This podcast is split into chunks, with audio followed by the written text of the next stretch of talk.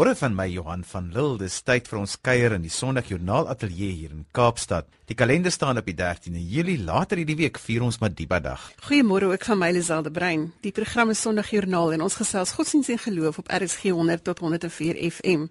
Vandag gesels ons oor leierskap. Ons gaste is Andre Vermeulen, Yuri Kriel, Marno Boshoff, Bram Hannekom en Louis Brits.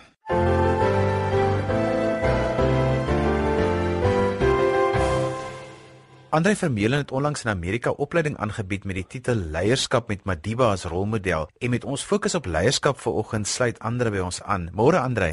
Goeiemôre Johan, goed om met julle te gesels. Andre, kom ons begin net eers by die begin. Hoe moet ons as gelowiges oor leierskap dink? Wat maak van iemand 'n goeie leier? Weet jy Johan, ek glo dat almal van ons is geroep tot leierskap. Miskien staan nie almal van ons in die posisie altyd van 'n amptelike leierskapsplatform nie. Maar leierskap gaan oor drie goed. Dit gaan oor beïnvloeding, dit gaan oor diensbaarheid en dit gaan ook daaroor om 'n inspirasie te wees.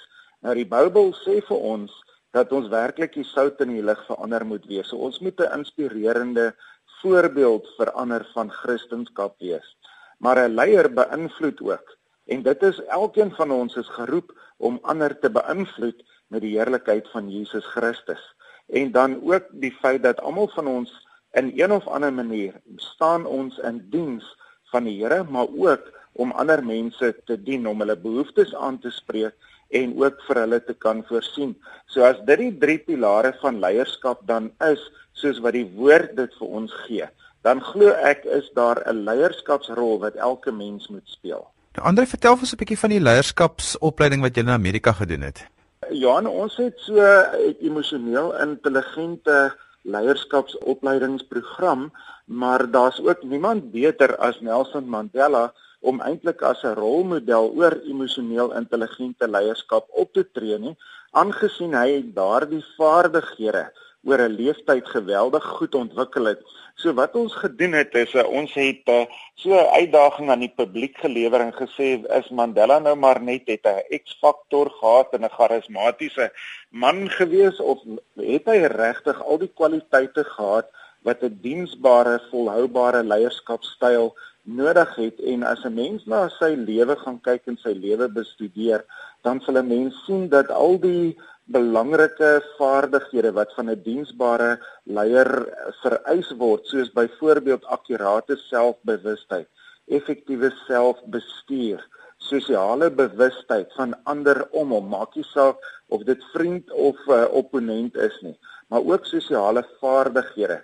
Dan het uh, Madiba geweldig baie van hierdie vaardighede in sy lewenstyd ontwikkel. En leierskap is nie net 'n X-faktor wat 'n mens het nie, dis vermoë wat jy moet ontwikkel. En uh, Nelson Mandela is waarskynlik van die beste rolmodelle wat die wêreld ooit gesien het in terme daarvan om werklik 'n diensbare leierskapstyl te kan hê wat baie sterk in lyn is met hoe die woord ook leierskap aan ons voorlê. Nou Andre, diensbaarheid en inspirasie is begrippe wat mense maklik verstaan, maar beïnvloeding is 'n moeilike ene want dit is tog 'n baie moderne ding rondom leierskap. Absoluut Johan, en jy weet beïnvloeding wil die wêreld baie keer verkeerd verstaan as om mense 'n rad voor die oë te draai of te manipuleer of te intimideer. Maar as 'n mens na die na die na die neurowetenskappe gaan kyk, dan sê navorsing vir ons dat nabootsingsleer die kragtigste vorm van leer is. En in feite beteken dit maar net die voorbeeld wat ek stel praat so hard dat ek nie te veel hoef te praat nie.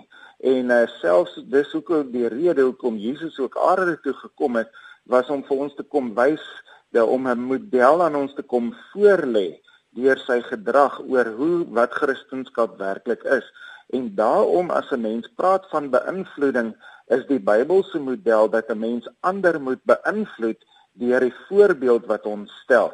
Met ander woorde, nie noodwendig verander moet vertel wat hulle behoort te doen nie, maar eerder vir hulle te wys en 'n inspirerende voorbeeld te wees van dit wat ons graag wil hê ander moet doen. Ander as ek terugdink aan die lewe van Nelson Mandela, dan kom een woord baie keer in my gedagtes op en dit is koalisies, want hy het nie so seer met konsensus gewerk nie, want hy het vir almal gesê jy kan nog steeds jou vooropgestelde idees hou, maar ons hoef nie konsensus te hê nie, maar ons moet 'n koalisie saamwerk. Hoe het julle dit in die kursus uitgebring? wat so belangrik is uh, en ek dink dit was een van die wonderlike dinge van wat uh, Nelson Mandela so goed kon doen is um, een van die grondbeginsels van demokrasie is werklik om te sê allow another to be. Laat ander mense toe om te wees en ook sy opinies te hê oor wat hy het en hy dit nie probeer verander nie.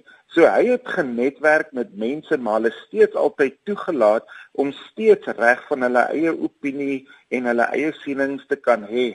En deels daarvan hoekom hy so effektiewe ou was en hoekom hy uh, uh, uitsonderlike goeie uh, verhoudings met mense kon kon handhaaf omdat hy een nie veroordelend teenoor hulle was nie, maar twee ook nie hulle opinies as sulks probeer verander het sodat dit by hom pas net. So dit was dan maklik vir mense met hulle eie unieke opinie om nog steeds 'n sosiale band met hom te kon hê. Andre, hoe sou mense dit nou van toepassing maak op kerk en geloofstrukture hierdie wat jy nou sopas gesê het?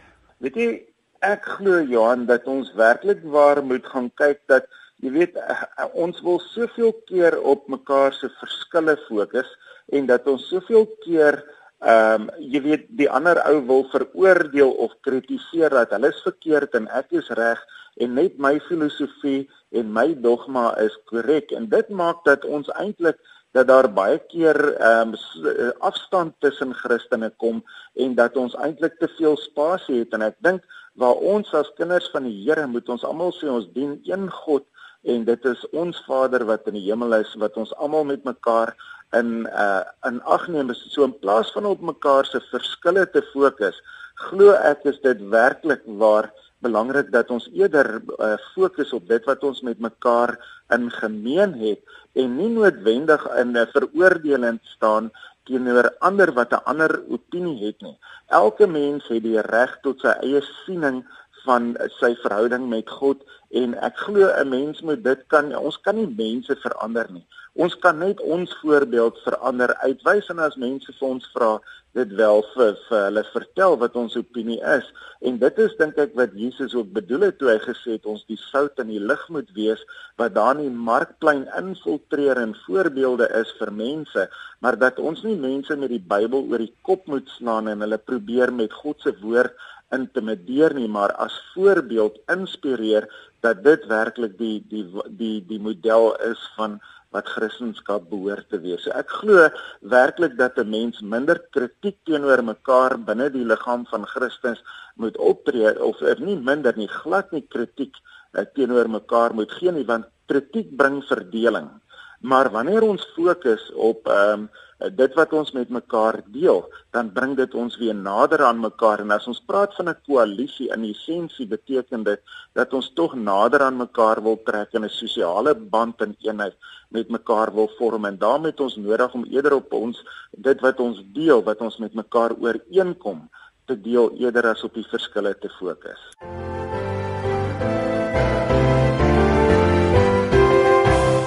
Donderdag is Madiba dag en pastoor Yuri Kriel van die Doxa Dayo gemeente in die ooste van Pretoria sluit vanoggend by ons aan om te vertel wat hulle vir Madiba dag doen. Môre Yuri.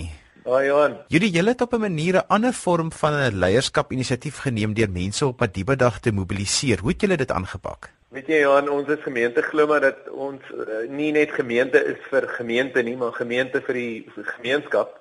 So ons wou graag ouens bietjie mobiliseer om uh, iets aan te pak vir Madiba dag. So die gedagte was toe gewees dat 'n klomp van ons leiers het laasweek na na Mapie se taxi rank gegaan. Dis nou 'n gebied net so suid van Mamelodi hier naby ons. En toe het ons gaan uh, muffins uitdeel en en koffie gee vir die taxi bestuurders. Ons het maar gevoel ons moet bietjie saai in daai area. Mense is nie altyd so goed gesind teenoor die taxi bestuurders nie. So ons dog toe ons kan bietjie uh, daar goeie goed belê. En toe het ons Sondag 'n video van dit vir die gemeente gewys en maar die gemeente uitgedaag om saam met vriende of kollegas 'n soortgelyke projek aan te pak en dit het ons nou 'n klomp uh, moontlikhede vir hulle genoem wat hulle so iets kan kan gaan doen. So julle watse idees het julle vir die gemeentelede gegee om op Madiba dag te doen? Weet jy ons maar 'n uh, verskeidenheid van goed. Ons het 'n paar uh projekte waarby ons reeds betrokke is. Byvoorbeeld ons het Eneke Haven wat 'n baba huis is en ons het 'n hou projek wat ons vir mense in ons gemeenskap wat nie kos het nie kos gee. En dan ook in die Nelmapies gebied werk ons saam met die AFM Living Waters en hulle het 'n kleuterskool so ons het maar voorstelle gegee soos om 'n partytjie te gaan hou vir die kinders of bietjie na die personeel om te sien.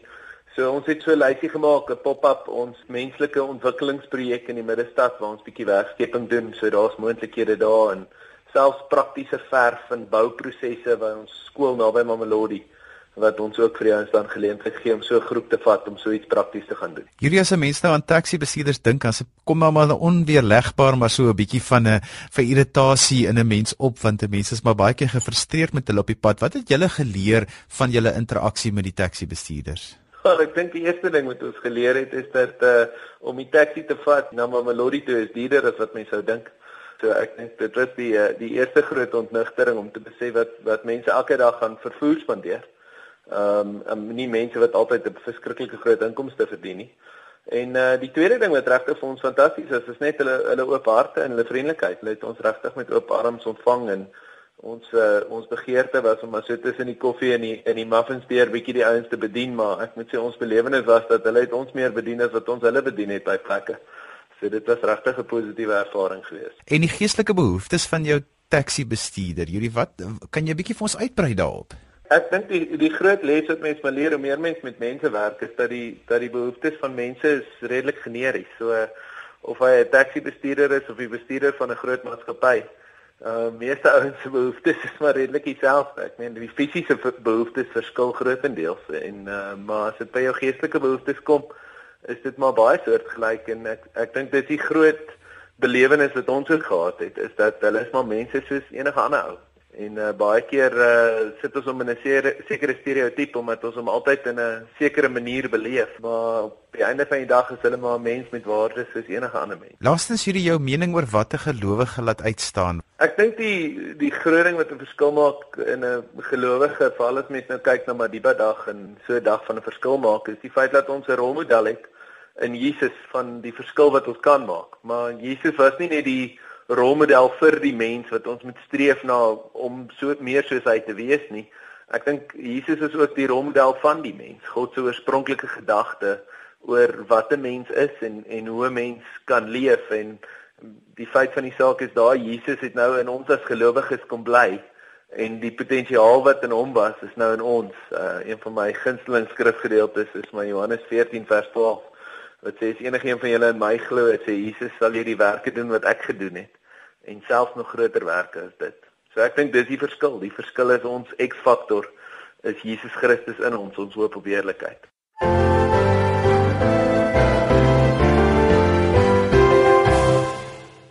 Goeiemôre, as jy sopas ingeskakel het. Ons is midde in die winterkoue toegevou en as jy nie nodig het om op te staan nie, kan jy gerus maar die kombers tot onder jou ken trek. Ons gaan luister na die musiek van Louis Brits. Hy sing 'n verwerking van Psalm 30.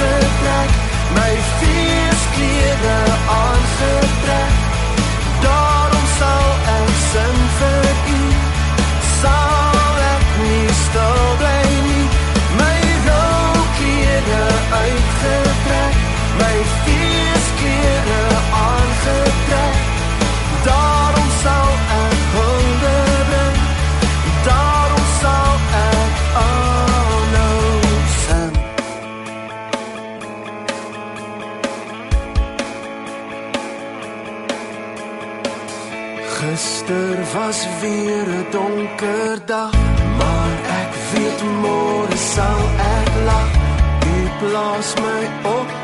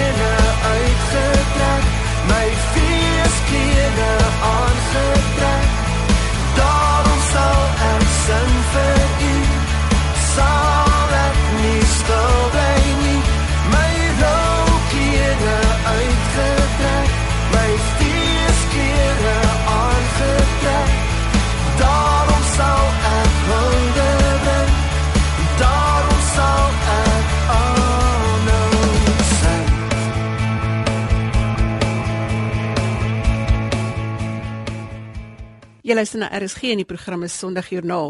Ons het sopas geluister na Louis Brits se verwerking van Psalm 30 en Louis sluit vanoggend by ons aan om te vertel oor die Daniel konferensie wat binnekort plaasvind. Môre Louis. Hallo Lisel, lekker om met julle te kan gesels en hallo aan al die luisteraars. Louis jy is die sangleier by die Daniel konferensie. Duisende manne van regoor Suid-Afrika en Namibië woon dit jaarliks by. Wanneer is dit en waarna kan die manne uitsien? Ja, dit is so lekker elke jaar. Die Daniel konferensie trek al in sy 8de jaar, weet jy. Hierdie jaar is dit die 22ste tot die 24ste Augustus in Pretoria. En die manne kom elke jaar. Ek dink as jy by een Daniel was, dan kom jy weer en weer. Ouens kom vir goeie geestelike raad wat ons as manne help om van maandag tot saterdag elke week ons man wees en ons Christen wees te kan vier en te kan praktiseer. Ek dink Sondag is so bietjie makliker, maar vir ander dae het ons praktiese raad nodig. Ons kom vir saam kuier met vriende om nuwe vriende te maak. Weet jy, dis net 'n lekker naweek wegpreek waar manne kan ontspan, lekker kom eet, geestelik versterk word sonder om koud te kry of nat te reën soos ons dikwels by mannekampe moet doen. En dit alles in Afrikaans. Dis letterlik die enigste so geleentheid in die land wat nasionaal is. En vir my persoonlik is dit een van my gunsteling goed in die jaar want die samesang wat ek mag lei daar. Weet daar's net niks so lekker of so mooi soos hierdie duisende manne wat so saam sing nie onder 'n dak in Moreletta Park auditorium waar die klankie wegwaai nie. Jy weet dit is net jy voel asof jy om 'n rugbystadion is in Wallis man, jy weet jy hoef nie na slegte rugby te kyk nie. Dis net fantastiese mooi musiek en baie van dit wat ons sing is bekende liedere in Afrikaans. So die samesang weet ek is iets waarna die manne elke jaar uitsien. Hierdie jaar lei Retief Burger en Henny Marit van Duislig saam met my die die lofprysing met 'n gedigte span musikante.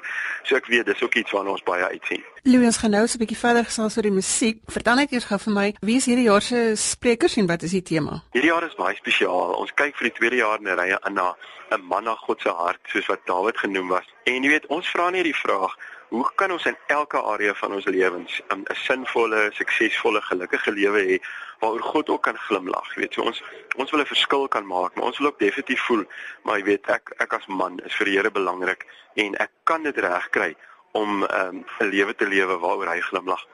Ons droom is definitief dat elke man na die Daniel konferensie 'n beter leier is, net daar waar die Here hom gebruik, by sy huis, tussen sy vriende, by die werk, oral in daai in daai plekke waar ons lewe. En om dit te doen het ons 'n gedigte span bymekaar hoor, as ek name noem soos Isak Burger, Mani Botha, Brand Pretorius, um, Boeta Dippenaar, Robbie Wessels.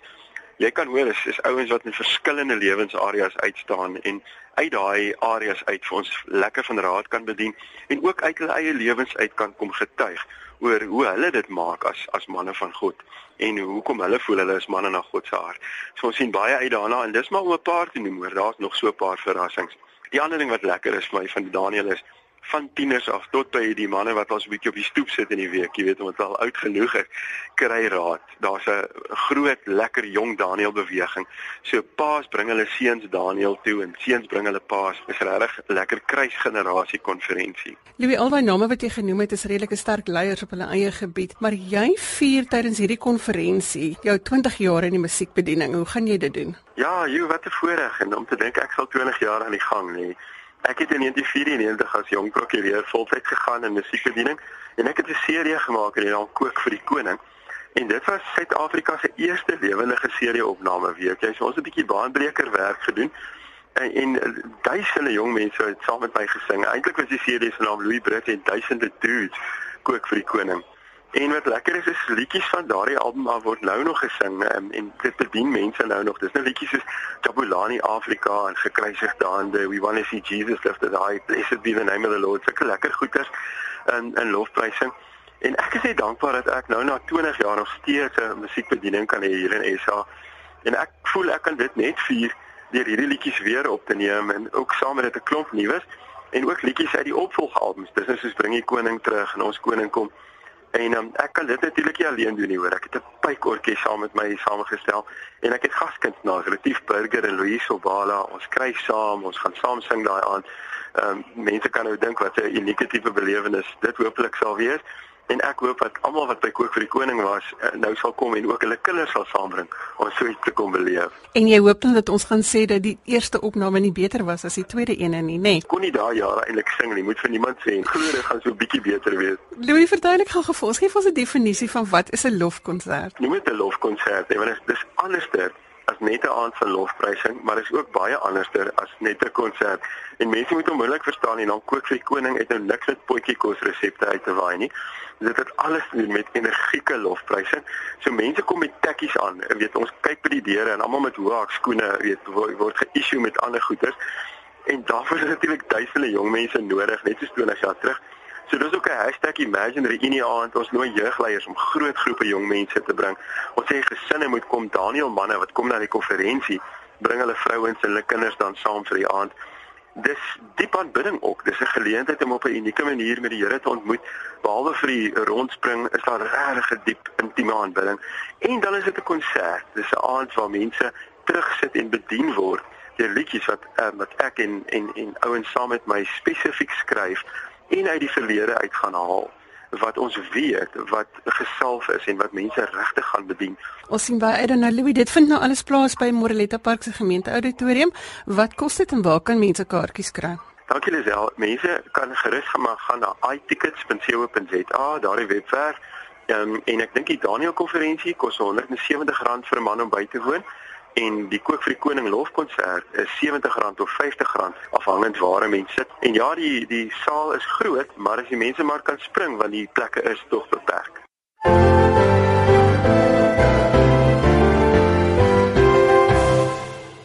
Marno Boshoff is 'n oud predikant wat vandag in die sakewêreld staan en hy kuier vanoggend saam met ons. Môre Marno. Goeiemôre Johan. Maar ons vra vanoggend vra oor leierskap. Nou jy staan in die sakewêreld. Vertel ons 'n bietjie van die uitdaging om jou geloof in die sakeomgewing uit te leef.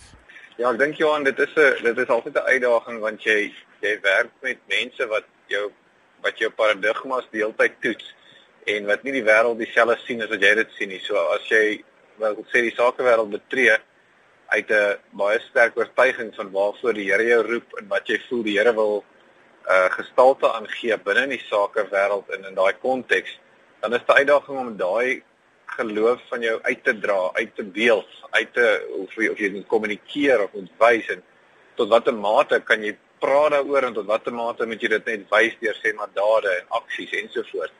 So dis altyd 'n dis 'n baie fyn balans om jouself te probeer posisioneer om wel sout en lig te wees en nie op so 'n mate oordrewend en afstotend te wees nie. Ek weet nie as dit as dit sin maak. Mense is altyd baie krities teen 'n Christen sakepersoon.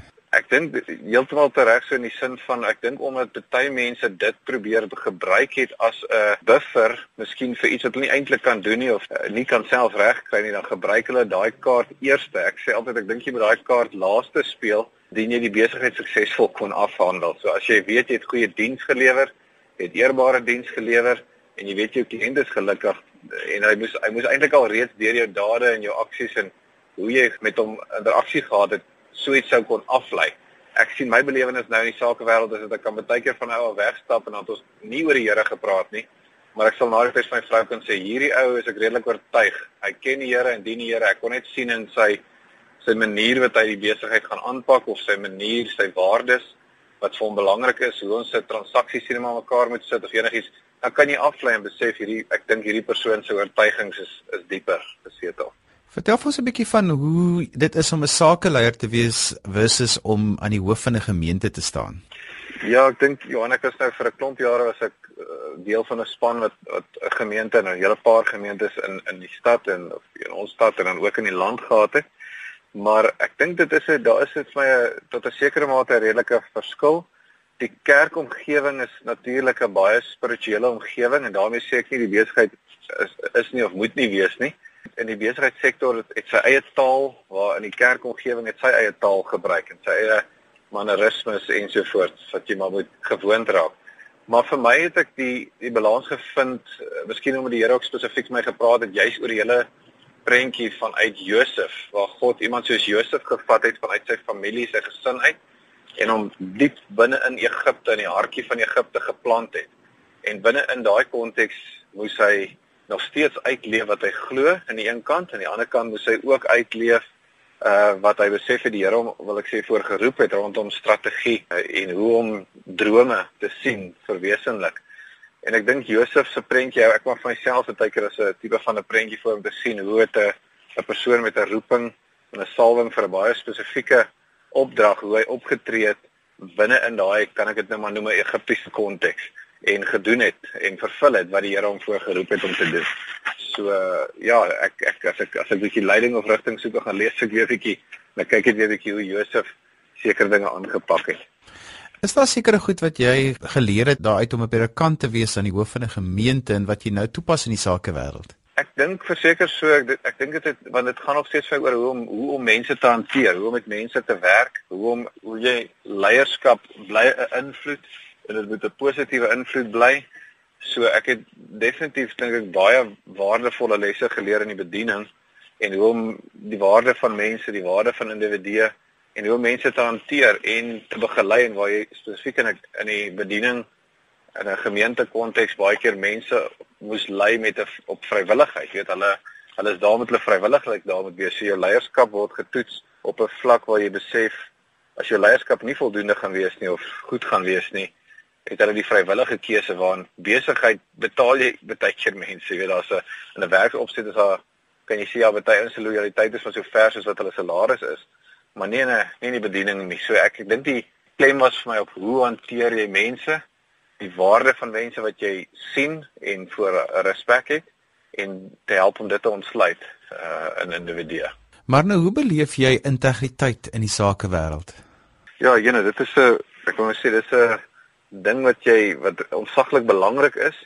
Uh in van die organisasies waar ek juis help, weet help ons hulle juis met hulle waardes en goed en integriteit is een van daai woorde wat altyd uitkom. En jy weet hulle wil integriteit besigheid doen.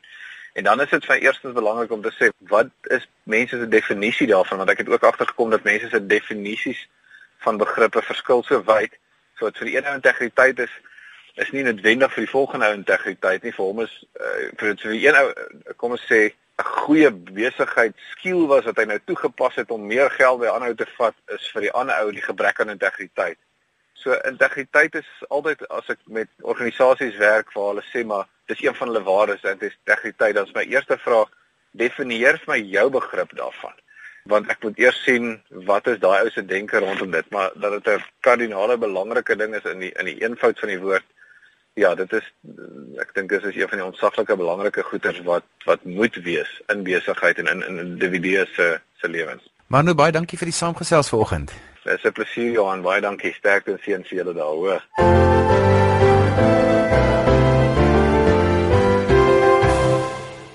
Dr. Braam Hannekom is leraar van die NG Gemeente Stellenberg en baie nou betrokke by die leierskapsontwikkeling van gemeenteontwikkeling op synode vlak. Hy is tans die moderator van die synode van die Wes en Suid-Kaapland van die NG Kerk en sluit vanoggend by ons aan. Goeiemôre Braam. Môre, môre. Braam, het ons nog geestelike leiers in die land en dan meer spesifiek in die struktuur van die kerk? Eh, Lisel dit hang af hoe jy die woord uh, geestelike leier definieer. Geestelike leierskap lê natuurlik op baie vlakke. Jy het uh, jou sogenaamde kerkleiers wat in die institusionele hiërargie sit en dan praat jy nou van moderators of pouse of biskoppe en dan het jy leierskap op voetsoolvlak jy weet ouderlinge of sommer net op gemeentelike leiervlak of in selfs in die amp van die gelowige uh, ek is baie oortuig daarvan dat daar regtig dwars deur die land nog baie baie baie mense is wat met hoogstaande geestelike integriteit lewe en in daardie opsig geestelike leiding gee in baie verskillende kringe die vraag is natuurlik is daar kerklike leierskap wat kan uh, voorvat en amper 'n profetiese rol speel in krisisoomblikke en waarna mense opkyk en wie se leiding aanvaar word en gerespekteer word. Uh, dit is natuurlik 'n moeiliker vraag om om te beantwoord. Ehm um, uh, maar dit bly die uitdaging vir die dag om ook daaroor te bly praat en antwoorde daarop te soek. Is daar nou jou meninge verskil tussen leierskap en geestelike leierskap? Ja en nee ek het so 'n klomp jare gelede het ek self begin navorsing doen oor leierskap omdat ek net agtergekom het dat die kerk waarskynlik een van die omgewings op die planeet is waar jy 'n geweldige intense vorm van leierskap het. Laat ek dit so vir jou verduidelik. In in in die kerk het jy nie geld om mense te betaal nie. Jy kan nie mense aanstel en afdank soos wat jy lus is nie. So jy werk met al die klassieke dimensies van leierskap, soos beïnvloeding, soos visionêre denke, soos die vermoë om verhoudings en spanne te bou al die klassieke dimensies van leierskap wat jy in die sekulêre definisie van 'n eh, leierskap kry, kry jy in die kerk in sy intense vorm. En ek sê altyd vir mense, as jy nou as jy 'n koeksissertafel by die bazaar moet reël, dan is jy in 'n vorm van leierskap. En of jy 'n sonnaskoolklas het en of wat jy ook al doen. Uh, maar dit mag nie net daarby stop nie. Die verskil is daar kom ook 'n intense geestelike dimensie by. En my persoonlike diep diep oortuiging is dat uh die kerk mense nodig het wat op 'n waardige manier al die vaardighede wat jy in 'n sekulêre leierskapsmodel sou aantref waar jy dit op die tafel kan sit die die visionêre denke die spanbou die antisipasie die strategiese denke transformasie ag die lysie gaan net aan en aan maar dit kan verpak binne 'n diep diep spiritualiteit wat deurdrenk is van 'n baie intieme verhouding met God uh en en in daardie opsig die priesterlike en profetiese rol wat jou jou klassieke geestelike definisie het waar dit dan daardeur aangevul word. Brangeestelike leiers word so maklik aangeval as gevolg van hulle integriteit. Hoe belangrik is dit dat jy altyd jou integriteit skoon en sterk moet hou? Ag, dit is geweldig belangrik. Jou Nou laat ek eers dit sê, as ons na die Bybel kyk, dan besef ons onthou mense bly gewone mense, of dit 'n Dawid is of dit 'n Salomo is of dit 'n Saul is. Die die Bybel is is, is besaai van wonderlike geestelike leiers met voete van klei. Maar as ons dit klaar gesê het, dan besef ons net dat jou integriteit is vir enige geestelike leier waarskynlik jou kosbaarste bate en dat dit iets is wat jy met alle geweld moet en mag en mening moet beskerm maar ook in gebed uh voor God moet verootmoedig dat God jou inderdaad sal help om jou integriteit uh te beskerm.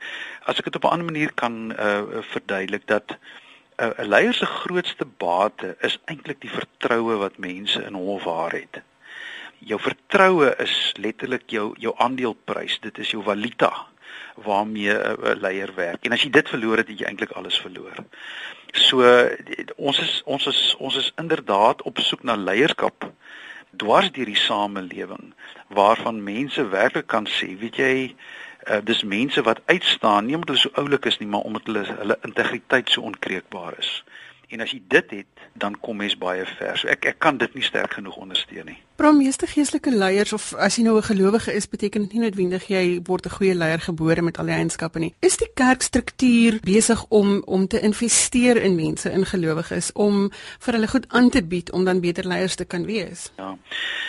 Ja, dankie ook vir daai een Lisel. Dit is 'n dis 'n passie wat ek al baie lank in my binneste het. Uh en ek en ek ek wil dit nou nie veroordelend sê nie, maar ek Ek ek sê dit altyd ek is ek was 7 jaar op kweekskool gewees en toe is ek in die harde werklikhede van 'n gemeentepraktyk ingedompel waar ek leierskap op 'n baie pragmatiese en praktiese wyse moes uitleef.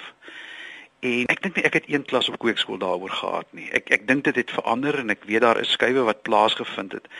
Maar ek dink nie predikante en geestelike leiers verstaan altyd watter kritiese leierskaprol hulle wel te speel het nie. En ek en, en laat ek dit baie duidelik sê, dit beteken nie dat ons van geestelike leiers hierdie sekulêre bestuurders wil maak nie, glad nie. En ons moet ook baie versigtig wees om van ons geestelike leiers hierdie professionele kliniese bestuurders te maak maar ek is ek is baie oortuig daarvan dat ehm um, dat 'n 'n goeie toerusting rondom leierskap of dit die plaaslike leraar is of dit die die kerkraad is of enige iemand wat in 'n geestelike leierskapsrol is dat toerusting en vaardighede daar rondom regtig baie baie kan help. In my eie lewe was my persoonlike ervaring dat toe ek die eerste keer regtig met leierskap uh, te doen gehad en leierskapvaardighede nadat ek in die bediening ingekom het. Dit was asof daar letterlik vir my 'n nuwe lewe oopgegaan het. Uh, ek het nuwe vars asem gekry. Ek het nuwe moontlikhede begin raak sien. Ehm uh, dit dit dit was regtig as ek as ek vandag moet sê dat naas die geestelike dimensie van my bediening was was dit waarskynlik een van die grootste skuwe wat in my eie persoonlike lewe plaasgevind het. Toe ek kon agterkom maar ek kan binne in die kerk uh, kan ek hieroor begin dink. Daar's enkele kursusse wat hieroor bestaan, maar ek wil eintlik maar die geleentheid ook gebruik om 'n pleidooi te lewer dat ons um, op gemeentelike vlak, op kerkraadsvlak, maar ook op kweekskoolvlak met ons studente regtig regte groot moeite hiermee sal doen. Die, die kerk en die gemeenskap uh, sal daarbey baat. Jy weet as as dominees word vandag so geroep om in die, in die publieke sfeer te gaan staan. Dit is 'n leierskapsrol wat gespeel word, maar dit moet met waardigheid en aanvoeling en integriteit gespeel word. En daarom is dit so belangrik dat ons helder denke hier rondom het. Dankie Bram, dankie vir jou tyd wat jy vanoggend aan Sondagjoernaal afgestaan het. Ons hoop jy het 'n rustige Sondag.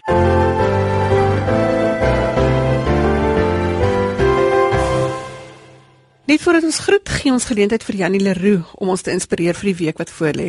Lisel, ons wêreld het inspirerende leiers nodig. Leiers sonder titels.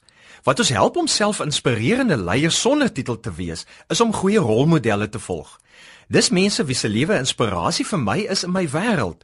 'n Rolmodel is iemand wat my help omdat ek sy of haar voorbeeld kan volg om gouer te groei. So ons moet net iemand gaan soek wie inspirerend is en die maklikste is, kry so iemand se biografie en begin dit lees. Onthou leiers is lesers. As jy elke dag 'n aantal bladsye van iemand se inspirerende leiersverhaal lees, dan begin jy dit toepas in jou eie lewe. Dis hoekom ons die Bybel lees, veral die gedeeltes oor Jesus se lewensverhaal. Paulus sê ook ons moet sy voorbeeld volg, soos hy die voorbeeld van Jesus volg. En so beïnvloed dit ons almal vir 'n beter toekoms. Jy begin dink as hulle dit kan doen, dan kan ek dit ook mos doen. En hier is die geheim. Jou eie groei en jou groei in verhouding met God is die beste belegging vir 'n beter toekoms. So lees oor inspirerende leiers, word self een wat jou omgewing beïnvloed. En daarmee het tyd geword om te groet. Vir meer inligting oor vandag se program, gaan sluit aan by Sondagjoernaal se Facebookblad. Druk die blou knoppie en vertel vir ons van interessante mense en dinge in jou geloofsomgewing. Tot volgende Sondag vir my Johan van Lille. Totsiens. Ons groet met 'n stukkie musiek van Johanita Du Plessis. Van my Liselde Brein tot volgende week. Bly warm. Totsiens.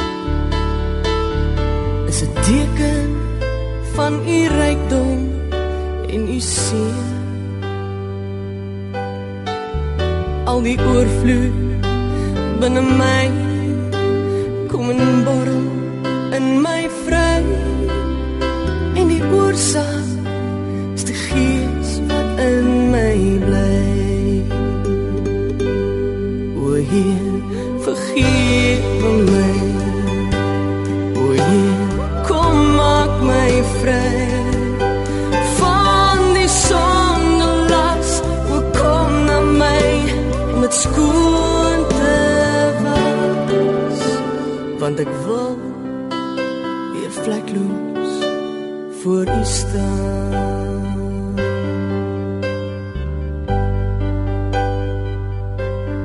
O Heer, vergeef my. O Heer,